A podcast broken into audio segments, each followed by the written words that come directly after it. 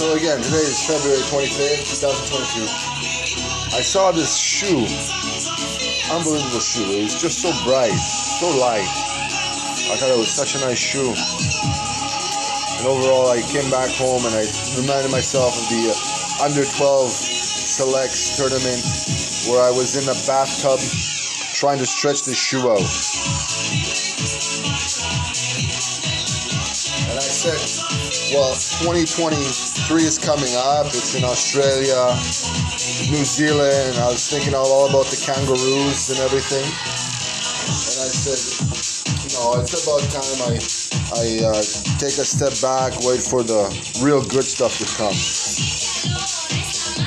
Sometimes on my level, I just don't feel that uh, that shoe is going to be comfortable enough for me on that level. I know it's a great shoe, a good price, but uh, I had other things in mind.